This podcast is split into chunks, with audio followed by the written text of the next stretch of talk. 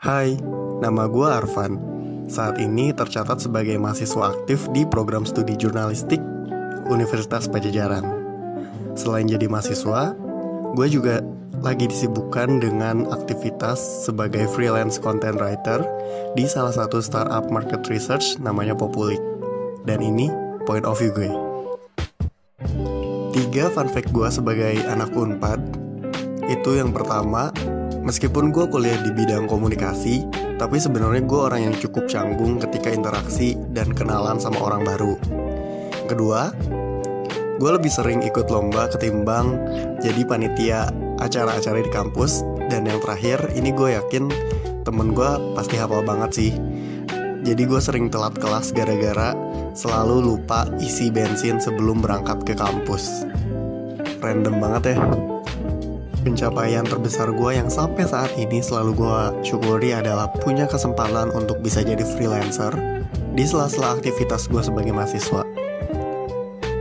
Menurut gue, kesempatan itu sangat berharga karena gue bisa mengasah skill gue, gue juga bisa nambah pengalaman, sekaligus juga ya sedikit banyak menambah uang jajan gue sehari-hari. Hal kedua yang selalu sampai saat ini gue syukuri adalah ikut pernah terlibat dalam beberapa kompetisi di bidang komunikasi dan beberapa di antaranya gue juga pernah menangi. Menurut gue, kedua pencapaian itu menjadi hal yang sangat penting dan akan selalu gue ingat sih dalam hidup gue. Ketika bicara soal turning back point, gue akan tarik mundur ke awal tahun 2018 dan melihat diri gue di masa itu yang memang mulai berpikir apa nih yang akan gue lakukan setelah gue lulus nanti.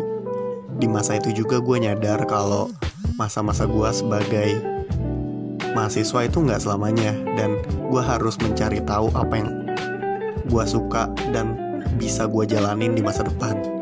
Juga mulai menyusun rencana gimana sih cara menggapai hal itu. Dan bisa dibilang itu sih yang jadi salah satu titik balik dalam hidup gue.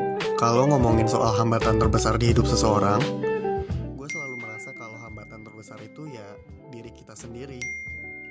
Dan gak ada jalan lain buat kita selain menghadapi itu. Kalau kata orang sih, you have to push your limit lah. Goal terdekat tentu aja karena saat ini gue mau menjajaki fase sebagai mahasiswa tingkat akhir. Ya, gue berharap lah pasti skripsi atau penelitian gue lancar bisa lulus tepat waktu.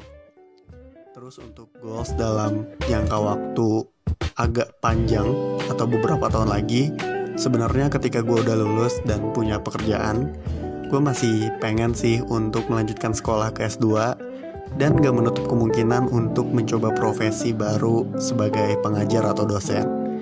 Ya semoga kecapai lah ya.